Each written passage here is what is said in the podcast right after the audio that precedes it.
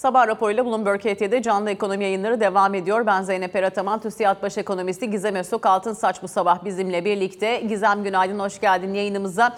Fed dün pas geçti. Zaten bu kısmı beklenen kısmıydı diyeceksin ama bir yandan da gelecek seneyle ilgili 3 faiz indiriminin sinyali gelmiş oldu. Sonraki yıllar için de indirim sinyalleri var. Noktasal grafikte 2025'te 4, 2026'da 3 faiz indirimiyle yola devam ederiz gibi bir görüntü var. Tabii ki burası pek çok revizyona gebe ama an itibariyle tabloya baktığımızda 140 bas puan üzerinde bir faiz indirimi beklendiğini görüyoruz Fed'den. E, hem dünkü metni ve kararı öncelikle bir yorumlayalım istersen ve sonra da e, değerlendirmeye çalışalım. Acaba Amerikan Merkez Bankası e, yapacağından daha bir az faiz indirim sinyalini mi vermek istedi dün? Yani bir yerde piyasayla buluşacak mı ortada?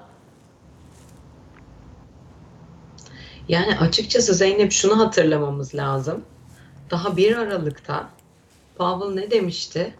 Henüz faiz indirimlerini konuşmak için çok erken, premature demişti. Artı ekonomide yeterince bu e, fiyat tarafında yeterince sınırlandırıcı mıyız? Onu da bilmiyoruz. Ondan da emin değiliz demişti. Dolayısıyla bunları topladığında e, böyle bir anda gerçekten 14-13 Aralık'ta e, çok hızlı bir pivot yapmış Fed'i görüyoruz. Onu net söyleyebilirim. E, zaten hani bir sürü raporda pivot rally diye de geçiyor. E, böyle bir noktaya geldik. O yüzden Fed'in verdiği bence şu anki rehberlik evet piyasa açısından gerçekten daha da fazla kutlamayla, bono rallisinin daha da şiddetlenmesiyle sonuçlanıyor ama e, hala da enflasyonda her ne kadar FED bayağı pozitif olsa da e, arzu edilen noktalara tam gelinmiş değil. O yüzden benim açımdan baktığında, bakıldığında e, ilerleyen vadede yanılma ihtimali olan bir FED gibi gözüküyor. Onu söyleyebilirim. Ha ama e, evet şu anda işte dediğin gibi OES'te 5 ya da 6'ya yakın bir rate cut fiyatlanıyor önümüzdeki yıl. Fed bunu 3'e çıkarttı. 3 e, yaparım diyor ve bayağı da net e, bu faiz indirimlerini gündemlerine almışlar gibi gözüküyor şu aşamada. Bayağı bir agresif e, aslında bana soracak olursan gevşeme konusunda ama hala daha bir taraftan da işler istediğimiz gibi gitmezse e, tightening kısmına da bir bakarız diye ara cümlelerde bu minvalde şeyler var FED tarafında. E, bu kadar erken faiz indirimlerinin açıkçası hata olacağını e, düşünüyorum. Eğer ekonomide alt detaylarda örneğin bankacılıkta veya farklı bir e, süreçte e, hesaplamadığımız, görmediğimiz sinyal veren bir vaziyet yoksa evet çok şiddetli bir borç ödemesi var önümüzdeki yıl. Ona göre rolların şekillenmesi gerekiyor vesaire ama bu kadar erken daha enflasyon tam anlamıyla kontrole girmemişken ki Fed aslında yalın da mesela aynı şey söylüyor. Bunun çoktan kontrole girdiğini düşünüyorlar. Ee, dolayısıyla henüz böyle bir vaziyet yok. Yani bir takım göstergeler iyi seyrediyor tabii 6 aylık ortalamasına vesaire baktığında, mevsimsellikten arındırıldığında vesaire. Bunlar böyle aşağı doğru gidiyor. Bunlar pozitif. Ama dediğim gibi hala 2'den uzağız. Artı ekonomide mesela Fed bir taraftan da yumuşak inişe inanıyor ve bence de yumuşak iniş olacak. Vaziyet böyleyken iç talebin enflasyon yaratma riski tamamen ortadan kalkmış değil. Toplamda ama piyasaya yaklaşmış, net şekilde piyasaya yaklaşmış bir Fed görüyoruz. Yani piyasa son derece agresifti bu gevşeme konusunda. Fed biraz daha frene basıyordu. Şimdi yavaş yavaş piyasaya da yaklaşan bir Fed görüyoruz. Şimdi bu arada ekonomiden gelen son verilere de baktığımız zaman hangi yönde sürprizler e, ortaya çıkmış diye son veri setinde e, mesela konut tarafında yine aynı zamanda kişisel e, gelirler, harcamalar, hane halkı verilerinde bir aşağı yönlü hareketlilik olmuş. Daha doğrusu beklentilerden kötü gelmiş veriler ama sanayi, istihdam, yine perakende toptan sektörü ve PMI gibi anket bazı veriler tarafı beklentilerden kuvvetli gelmiş Amerika'da. Şimdi biz seninle FED faiz artırım indirim beklentilerini hep konuşurken e, finansal koşullar endeksini de birlikte ele alırız. O yüzden onu da hemen hazır edeyim istedim. E, dün New York Fed başkanlarından e, eski New York Fed Başkanı William Dudley diyor ki evet para politikasının gecikmeli etkileri olur. Powell buna atıfta bulunuyor ama bir yandan da Amerika'da finansal koşullar endeksi son aylardır görmediğimiz bir gevşeklik içerisinde. E, dolayısıyla çok gerçekçi bulmadığını belirtiyor dünkü paylaşımları. E, şimdi buradan devam edelim istersen. Sana göre para politikasının gecikmeli birikimli etkilerini mi takip edeceğiz Amerika'da e, yoksa bu grafiği daha mı çok önemsemek lazım? Hepsini önemsemek lazım ama şunu hatırlayalım. Elbette para politikasının gecikmeli etkileri gelecektir. Ee, Burada e, konuştuğumuz şey şu olmamalı. Yani şu anda faizin yüksek seviyesi ilerleyen vadede gene ABD ekonomisi üzerinde baskı oluşturacaktır. Fakat bu yeterince enflasyonu düşürecek nitelikte mi? Daha doğrusu %2 hedefine düşürecek nitelikte mi? Bence bunu konuşmak gerekiyor. Elbette gecikmeli etkileri devam edecek ama Mart'ta örneğin bir faiz indirimi gelirse e, bence süreç farklılaşır. E, bu gelmeyecek diyemeyiz. Yani gelebilir. Fed de yanlış yapmayacak diyemeyiz. Daha önce de yaptı. Fed 2020 2021'de e, 6 ay kadar enflasyon arz yanlı diyerek gecikerek zaten hani hata yapmış bir kurum. Dolayısıyla e, hani FED hata yapmaz gibi bir düşünce de olmamalı e, bir taraftan. Ben erken faiz indirimlerinin çok ekonomiye iyi geleceğini düşünmüyorum.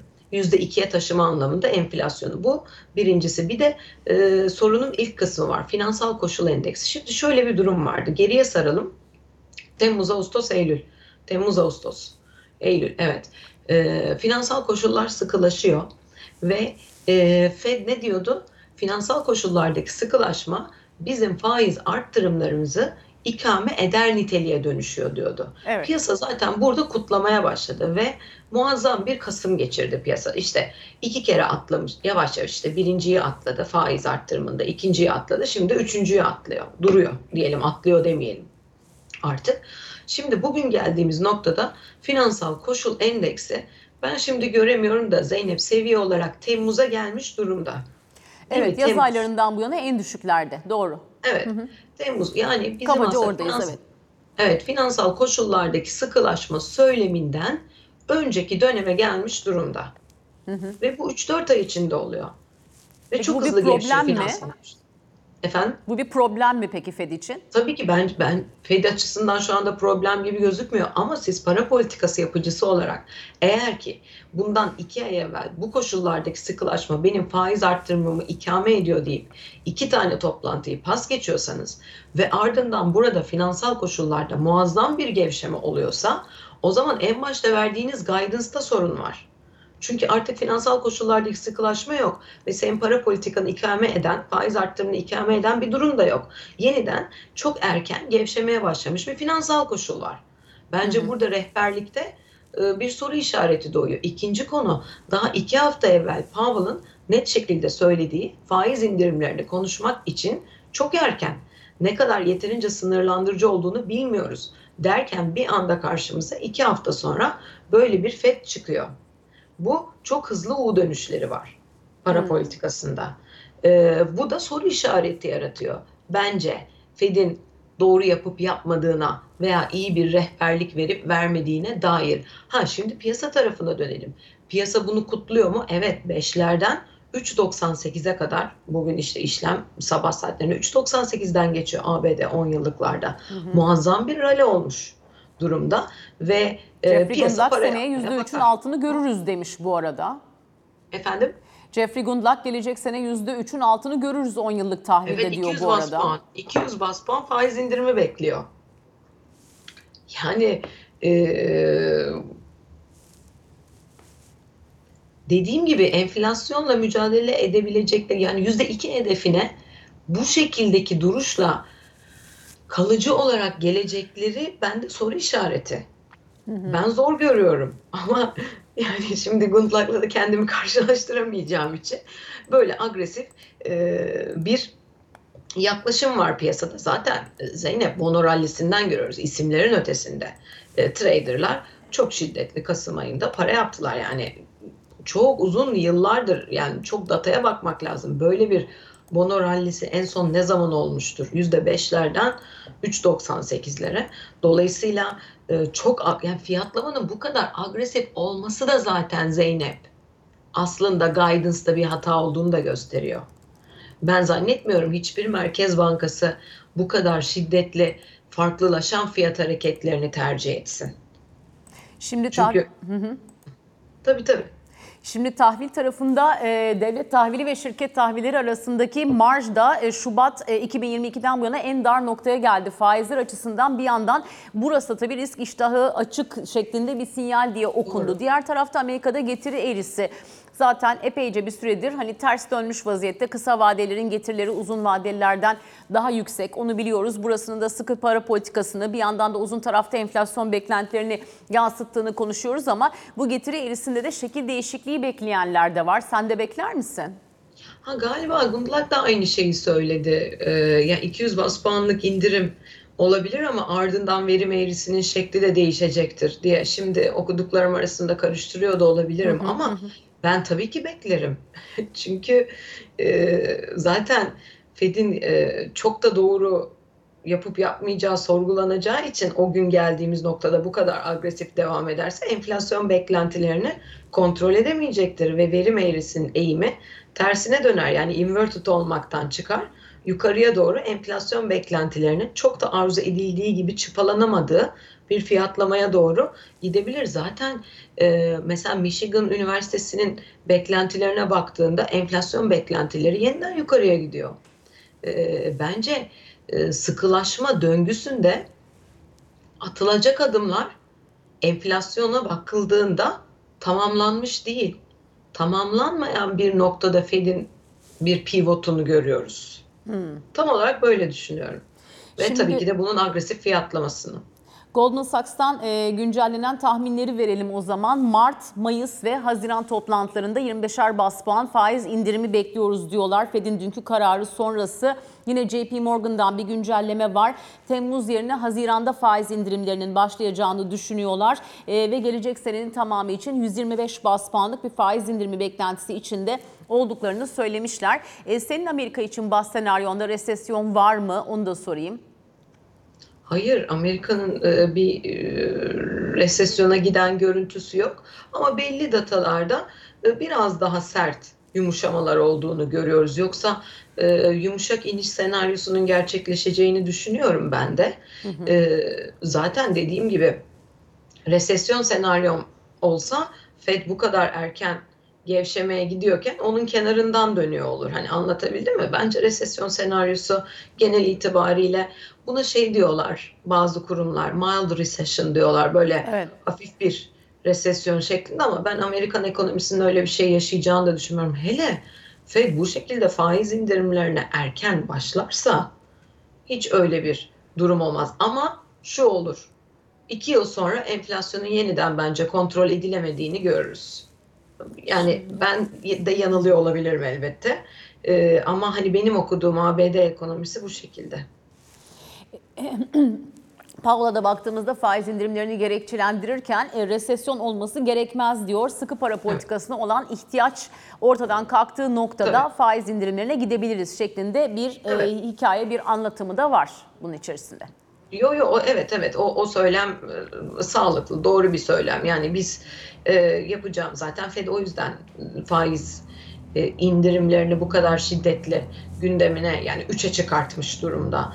E, zaten e, resesyona e, gittiklerini düşünüyor olsalar herhalde biraz daha farklı, daha agresif, daha farklı söylemleri de olur diye düşünüyorum. Bana göre zaten doküman yani Fed yaklaşımı agresif gevşeme anlamında ama daha farklı şeyler görürüz.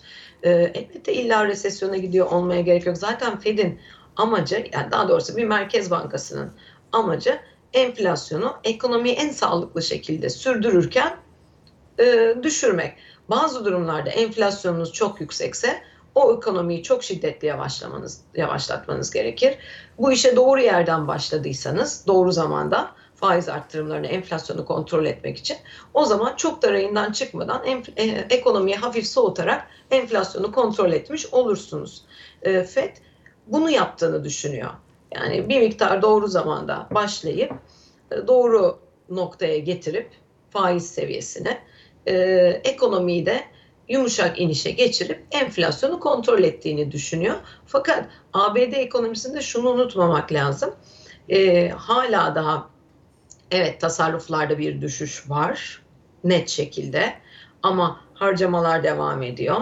İç talepteki hizmet tarafındaki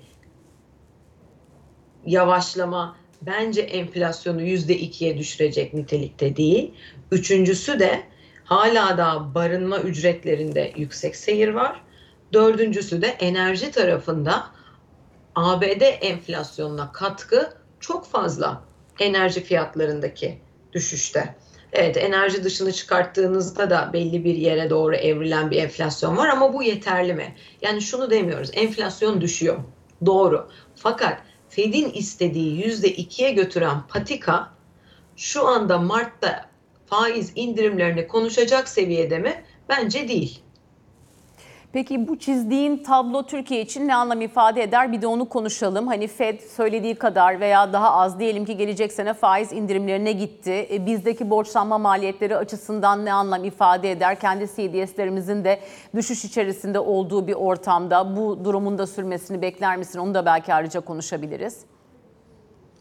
Aslında global İM açısından, gelişmekte olan ülkeler açısından e, gevşemeye geçmiş bir majör merkez bankası pozitiftir. Eğer bir problem olmadan geçiyorsa, yani Hı. bankacılık sektöründe bir kriz yaşanmadan sağlıklı iktisadi koşullarda geçiyorsa bu gevşemeye, gelişmekte olan ülkeler evreninde bu pozitiftir.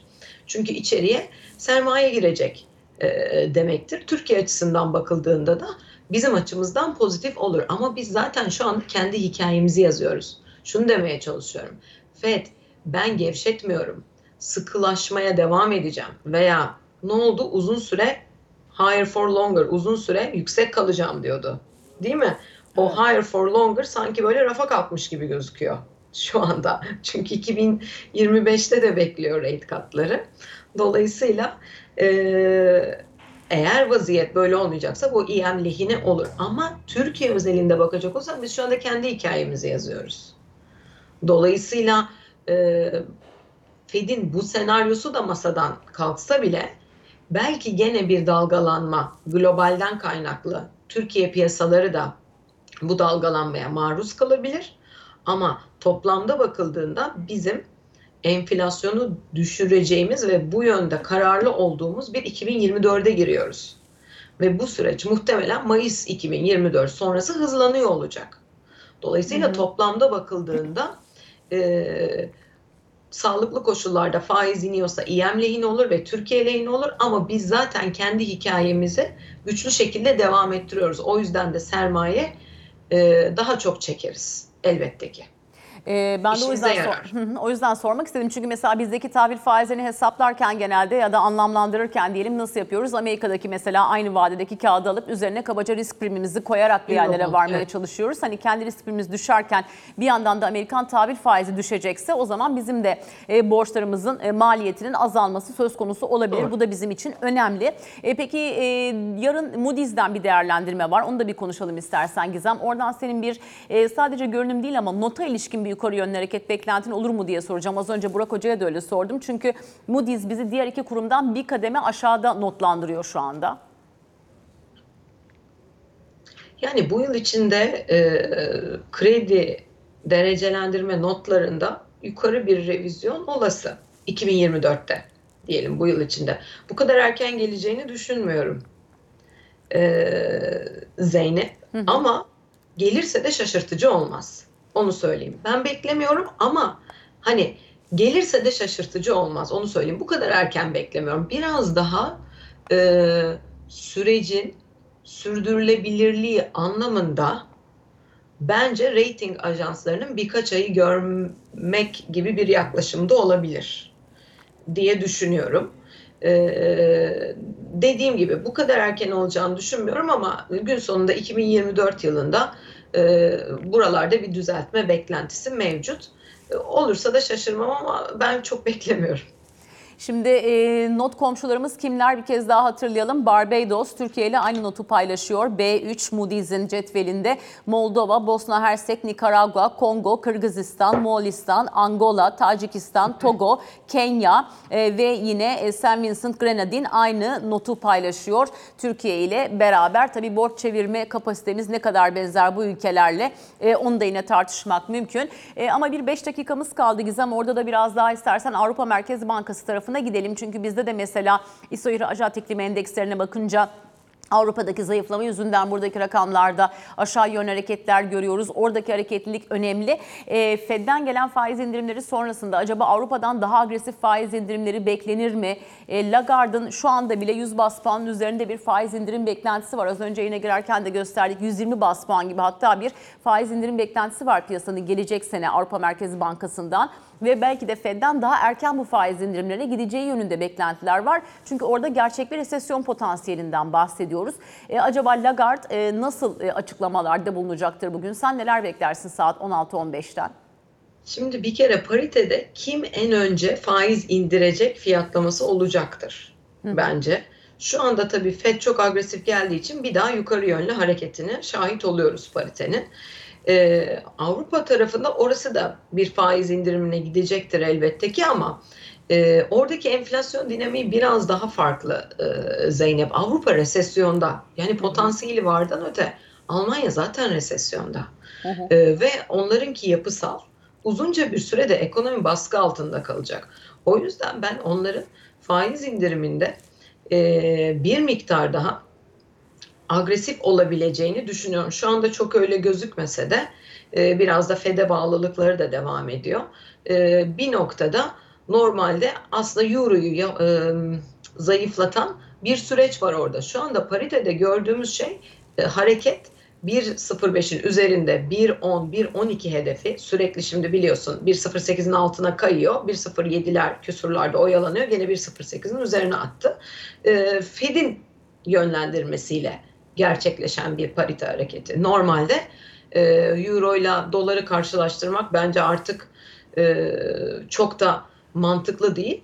E, burada tabii şey konuşuyor. Yani büyüme farkı dolar lehine zaten net şekilde. Hı hı. Ama faiz farkı ilk aşamada kimin lehine olacak?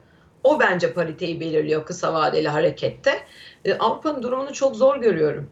Hı hı. Hele bizim e, yani maalesef ihracat bir numaralı ihracat pazarımız.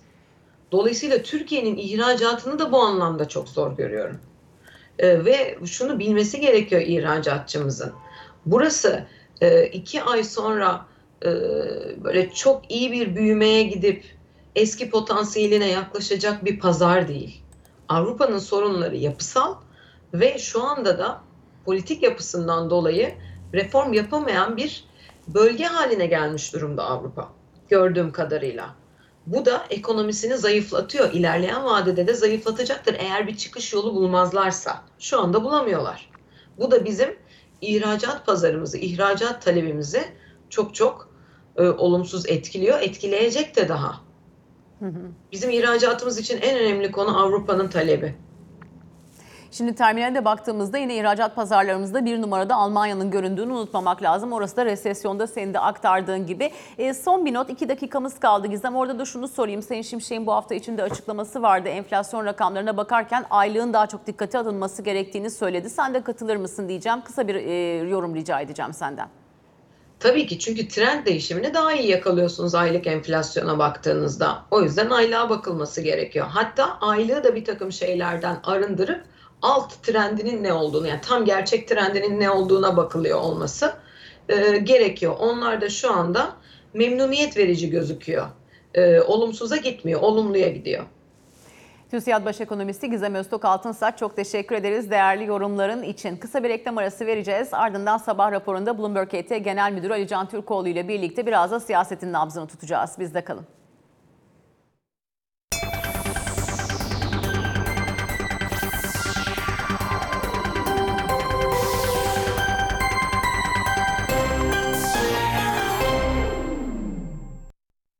Sabah raporuna Ali Can Türkoğlu ile birlikte Bloomberg ET Genel Müdürü ile birlikte devam ediyoruz. Ali Can günaydın. Günaydın. Şimdi e, siyasetin gündemi demişken bu sabah gazetelerden de aktardık. Mehmet Şimşek'in önemli açıklamaları var. Hazine ve Maliye Bakanı'nın hürriyete verdiği bir röportaj söz konusu. Kestirme yol yok ve e, doğru yoldayız şeklinde açıklamaları var. Özellikle tabii enflasyonla mücadele anlamında e, bunu pozitif bir mesaj olarak okumak lazım diye düşünüyorum. Doğru. Ee, atılan adımların sonuç vermeye başladığını vurguluyor özellikle Mehmet Şimşek. Kararlılıkla da uygulanmaya devam edeceğini söylüyor. Şu anda uygulanan ekonomi politikalarının e, doğru yolda olunduğu, senin söylediğin gibi işte kestirme ve kolaycı bir çözüm olmadığını ama bunun arkasında sabırla durulacağını da özellikle vurguluyor. İşte kur oynaklarının azaldığı, cari açığın azalmaya başladığı özellikle altı çizilen hususlardan dikkatimi çeken bir takım hususlar var aslında. Biri vergiyle ilgili değerlendirmeleri ki daha öncesinde söylemişti tüm istisna ve indirimlerin gözden geçir, geçirileceği zaten OVP'de de vurgulanan Yine yeniden hususlardan biriydi. çalışmalar Ve var. yeniden değerleme çalışmaları var. O niye önemli? Şimdi diyor ki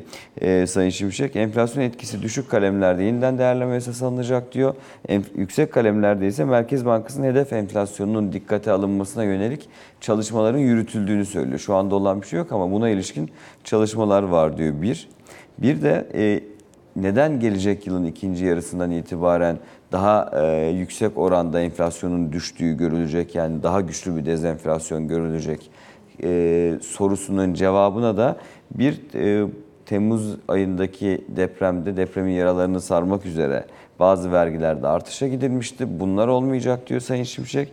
Yine depreme ilişkin çabalarda işte konut yapımında kullanılan ürünlerin fiyatlarını artırmıştı. Seneye de bu etkinin olmasını beklemediklerini ifade ediyor. Para politikasının da gecikmeli etkisinin devreye gireceğini söylüyor. Dolayısıyla gelecek yılın ikinci yarısından itibaren de hem mali duruş daha iyiye gidecek hem de enflasyonun e, de- dezenflasyon süreci güçlü bir şekilde ilerleyecek diyor. Dolayısıyla bu gibi açıklamalar konuşulacaktır, tartışılacaktır diye tahmin ediyorum Sayın Şimşek'in açıklamalarını. Şimdi bir yandan tabii Şimşek'in açıklamalarını görüyoruz. Diğer taraftan da siyasette yerel seçimleri geri sayıyoruz. Burada seninle de her buluştuğumuzda mutlaka partilerin duruşları nedir, aday belirleme süreçleri nasıl olacak, kim uzlaşır kim uzlaşmaz mutlaka masaya yatırıyoruz. Bu sabah son durum ne bir daha konuşalım. E, Biraz daha netleşiyor aslında. Her gün farklı bir konuyla ilgili yeni gelişmeler yaşanıyor. Şimdi e, özellikle AK Parti Milliyetçi Hareket Partisi tarafı dün 11. görüşmeyi yaptı heyetler. Muhtemelen bu hafta bitmeden bir görüşme daha gerçekleştirilecek. Ve gelecek haftada son karar liderlere bırakılacak. Ama AK Parti ve MHP zaten arada bir sıkıntı yok. 30 büyük şehirde iki siyasi partinin e, birlikte hareket edeceklerini biliyorduk. Özellikle bunlardan geçen hafta konuştuğumuzda aslında e, dün de akşam e, aktardım biraz. Üç e, Büyükşehir Milliyetçi Hareket Partisi'ndeydi işte aday olarak e, Mersin, Manisa ve Adana. Ama anlaşılan o ki bu son görüşmeler sonrasında 30 büyük şehrin ikisi Milliyetçi Hareket Partisi'nde aday gösterecek. İki, iki şehirde, iki büyük şehirde MHP adayı e, olacak. 28'inde AK Parti adayı olacak gibi. Dolayısıyla e, Adana'nın adaylığı AK Parti adayına bırakılacak e, diye öğrendik. Dün AK Parti kulislerine edindiğim bilgi bu. Bunun karşılığında ise 20'ye yakın ilçe adaylığı da Milliyetçi Hareket Partisi adayına teslim edilecek gibi gözüküyor. Dolayısıyla çok yoğun bir çalışma var. Zaten AK Parti'nin kendi içinde Ankara, İzmir ve Adana özelinde teşkilatla, milletvekilleriyle, mevcut belediye başkanlarıyla, ilçe belediye başkanlarıyla görüşmeler gerçekleştirildi. Şimdi pazar günü de e, geniş katılımlı bir İstanbul değerlendirmesi yapılacağı söyleniyor. Sonrasında da işte dediğim gibi gelecek hafta muhtemelen liderler bir araya gelecek ve 15 Aralık'tan yani gelecek haftadan itibaren peyderpey açıklanacak. Ocak ayı ortası gibi de beklenen büyük şehirlerin adayları açıklanacak gibi gözüküyor ama son durumda dediğim Hepimiz gibi merakla bekliyoruz tabii. 30 büyükşehir ortak aday. Bunların ikisi MHP adayı, 28'i AK Parti adayı, Osmaniye Milliyetçi Hareket Partisi'nde. Geriye kalan 51 ilin yaklaşık 30'unun merkez ilçelerinde de yine aday göster- ortak aday gösterilecek gibi gözüküyor AK Parti MHP'de. Bunun dışında Yeniden Refah Partisi e, ile bir görüşme gerçekleştirilmişti. Hüdapar'la da bir görüşme gerçekleşti. AK Parti e, bu iki partiyle de seçimde işbirliğine yönelik e, o adımların atıldığı ve muhtemelen yine önümüzdeki haftadan sonra buradaki işbirliğinin detaylarının ortaya çıkacağı ifade ediliyor. E, Diğer tarafa gelirsek CHP, İyi Parti, e, DEM Parti tarafına gelirsek ise burada İyi Parti zaten kendi adaylarıyla e, devam edeceğini söylemişti. Ee, Ankara için iki ismin ön plana çıktığı söyleniyor. Birisi Cengiz Topel Yıldırım, birisi Ay Yüce Türkeş. İstanbul'la ilgili henüz bir gelişme yok İyi Parti tarafında. Ee, CHP DEM Parti görüşmesinin de e, olumlu geçtiği, herhangi bir seçim işbirliği olup olmayacağı konusunda henüz karara bağlanan bir hususun olmadığı, önümüzdeki dönemde bununla ilgili belki yeni bir görüşmenin de gerçekleştirilebileceği söyleniyor. Dolayısıyla bütün siyasi partilerin şu anda yerel seçime yönelik, yerel seçimlere yönelik hem diğer partilerle görüşmeleri hem de partilerin kendi içindeki çalışmaları çok yoğun bir şekilde devam ediyor, edecek de. Dolayısıyla bu konu aslında her gün konuşulduğunda içinden yeni bir hususun çıkarılabileceği, bir unsurun ön plana getirilebileceği bir e, noktaya gelmiş durumda. Çünkü 31 Mart seçimleri Ocak ayında muhtemelen en son aşamada bütün adayların açıklandığını göreceğiz ama o zamana kadar işte kim kimle görüşmeler nasıl gidiyor, şu anda hangi noktadayızın e, yorumları yapılıyor. E, son bir not belki bir dakikamız kaldı orada konuşabiliriz. Avrupa Birliği Liderler Zirvesi bugün Brüksel'de gerçekleşecek. Öncesinde Türkiye ile ilgili e, olumlu bir sinyal var e, diye anlıyoruz. E, Genel İşler Konseyi toplandı orada ve angajmana hazırız şeklinde bir mesaj verdiler Türkiye için. Orada şu andaki durum Türkiye Avrupa Birliği hedefinden, Avrupa Birliği perspektifinden vazgeçmediğini vurguladı son dönemde. Ama karşılıklı olarak Türkiye'nin Avrupa Birliği'nden, Avrupa Birliği'nin de Türkiye'den beklediği hala bazı hususlar ve unsurlar var. Ama son dönemde yapılan açıklamalar ve yapılan görüşmeler neticesinde Türkiye'nin e, açıklamaları devamında o da var aslında. Türkiye'nin e, Avrupa AB için vazgeçilmez olduğu, önemli bir partner Evet. olduğu hususunda da yeni değerlendirmeler yapılıyor. Avrupa Birliği tarafında bir anda hadi yeni fasıllar açılsın, fasılların açılması için yeni görüşmeler gerçekleştirilsin noktasına gelinmeyecek. Ama eğer bu perspektifte iki tarafta devam ederse Türkiye açısından bakıldığında başta vize serbestisi ama devamı için bakıldığında ise e, işte yeni çok uzun süredir zir- zirveler yapılmıyor bu konuyla ilgili olarak Türkiye'nin de içinde olduğu ve Türkiye'nin işte üyeliğinin ve fasılların açılması konularının konuşulduğu. Ancak önümüzdeki kısa dönemde eğer bu ivme devam ederse e, yeni toplantıların gerçekleştirilebileceği ve burada da işte e, üyelik noktasında veya en azından ortak paylaşımlar konusunda hangi hususların ön plana çıkarılması gerektiğinin e, konuşulacağı ifade ediliyor. Ama bunun için öncelikle ilk aşamada beklenen adımların atılması gerekiyor diye söylüyor Ankara. Bunun da başında vize serbestisi adımları geliyor. Takip edeceğiz. Burası da yine önemli bir gündem maddesi. Bloomberg ET Genel Müdürü Ali Can Türkoğlu çok teşekkürler. Sabah Ben raporunu teşekkür böylece ederim. noktalıyoruz efendim. Az sonra yatırım bülteninde Burcu Kıratlı karşınızda olacak. Hoşçakalın.